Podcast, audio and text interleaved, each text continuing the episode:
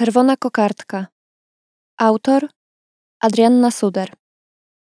Czyta Zuza Binkiewicz. To miało miejsce rok temu. Listopadowy, dżdżysty wieczór. Nagie gałęzie drzew kołysały się gwałtownie na wietrze, a na ulicach miasta panował bezład i zgiełk. Ludzie w popłochu gnali do domów, zatrzymując się niekiedy raptownie na widok czerwonego, rażącego światła sygnalizacji. Zniecierpliwieniu podrygiwali i potrząsali głową, jak gdyby ich groteskowe ruchy ubłagać miały owe światła do prędkiego zniknięcia im sprzed oczu. Chwilę później znów, jak konie w wyścigu na dźwięk strzału, podrywali się do biegu, rozbryzgując krople deszczu z nadeptywanych kałuży. Stąpając powoli w gąszczu wielobarwnych parasolek, dotarłam wreszcie pod drzwi wejściowe budynku, w którym mieścił się punkt pobrań diagnostyki. Na mojej klatce piersiowej oraz wewnątrz ciała, tuż obok serca, poczułam ciężar. Oznakę silnego lęku, który towarzyszy mi od dziecka. Odkąd pamiętam na widok igieł reagowałam przerażeniem. Tym razem nie było inaczej.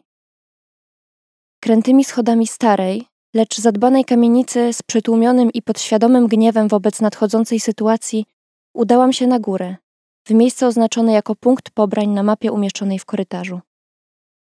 Dlaczego muszę tam iść? Ponoć medycyna postępuje, a wciąż nie mogą znaleźć przyjemniejszego sposobu na wykonanie morfologii. Rozważałam zrezygnowana, podczas gdy kolejne myśli kotłowały się w mojej głowie.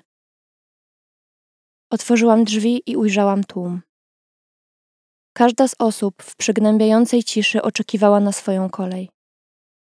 W jednym momencie wszyscy obecni unieśli głowy, patrząc z politowaniem na kolejnego nieszczęśnika zmierzającego w ich kierunku. W powietrzu odczuwalna była napięta atmosfera. Część pacjentów wchodziła na moment do jednego z gabinetów, aby odebrać swoje wyniki.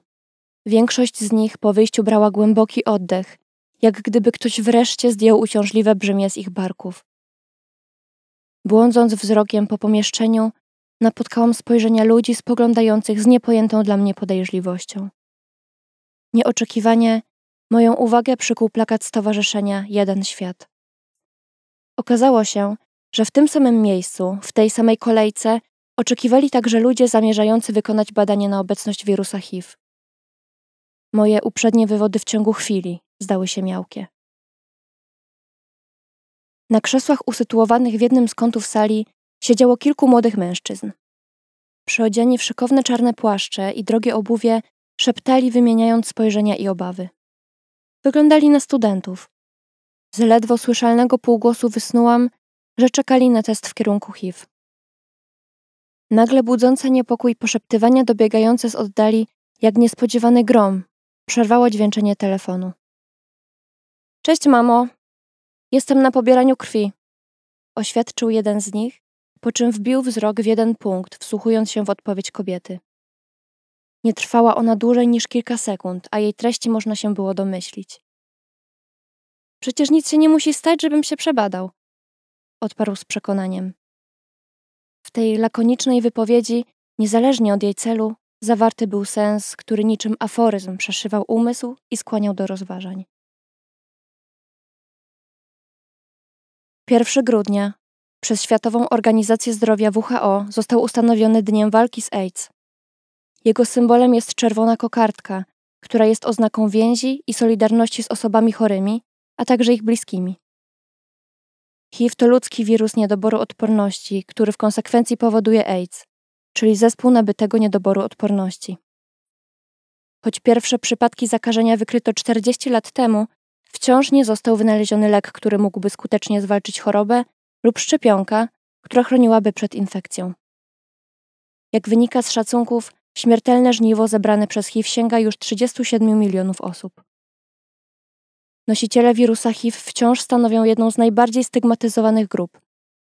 Diagnoza często wiąże się z zakłopotaniem, poczuciem winy i przejmującym lękiem przed reakcjami otoczenia.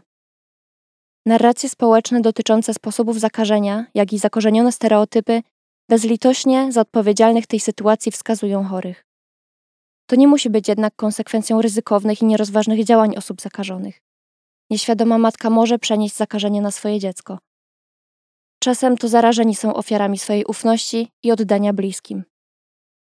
Niekiedy dowiadują się prawdy od razu, innym razem na jej ujawnienie czekają wiele lat.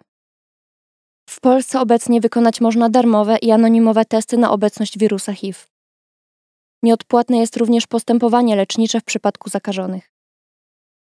Palącym problemem wciąż jednak pozostaje zbyt mała liczba osób zgłaszających się do punktów pobrań. Wczesna diagnoza może okazać się jedyną szansą na długie życie.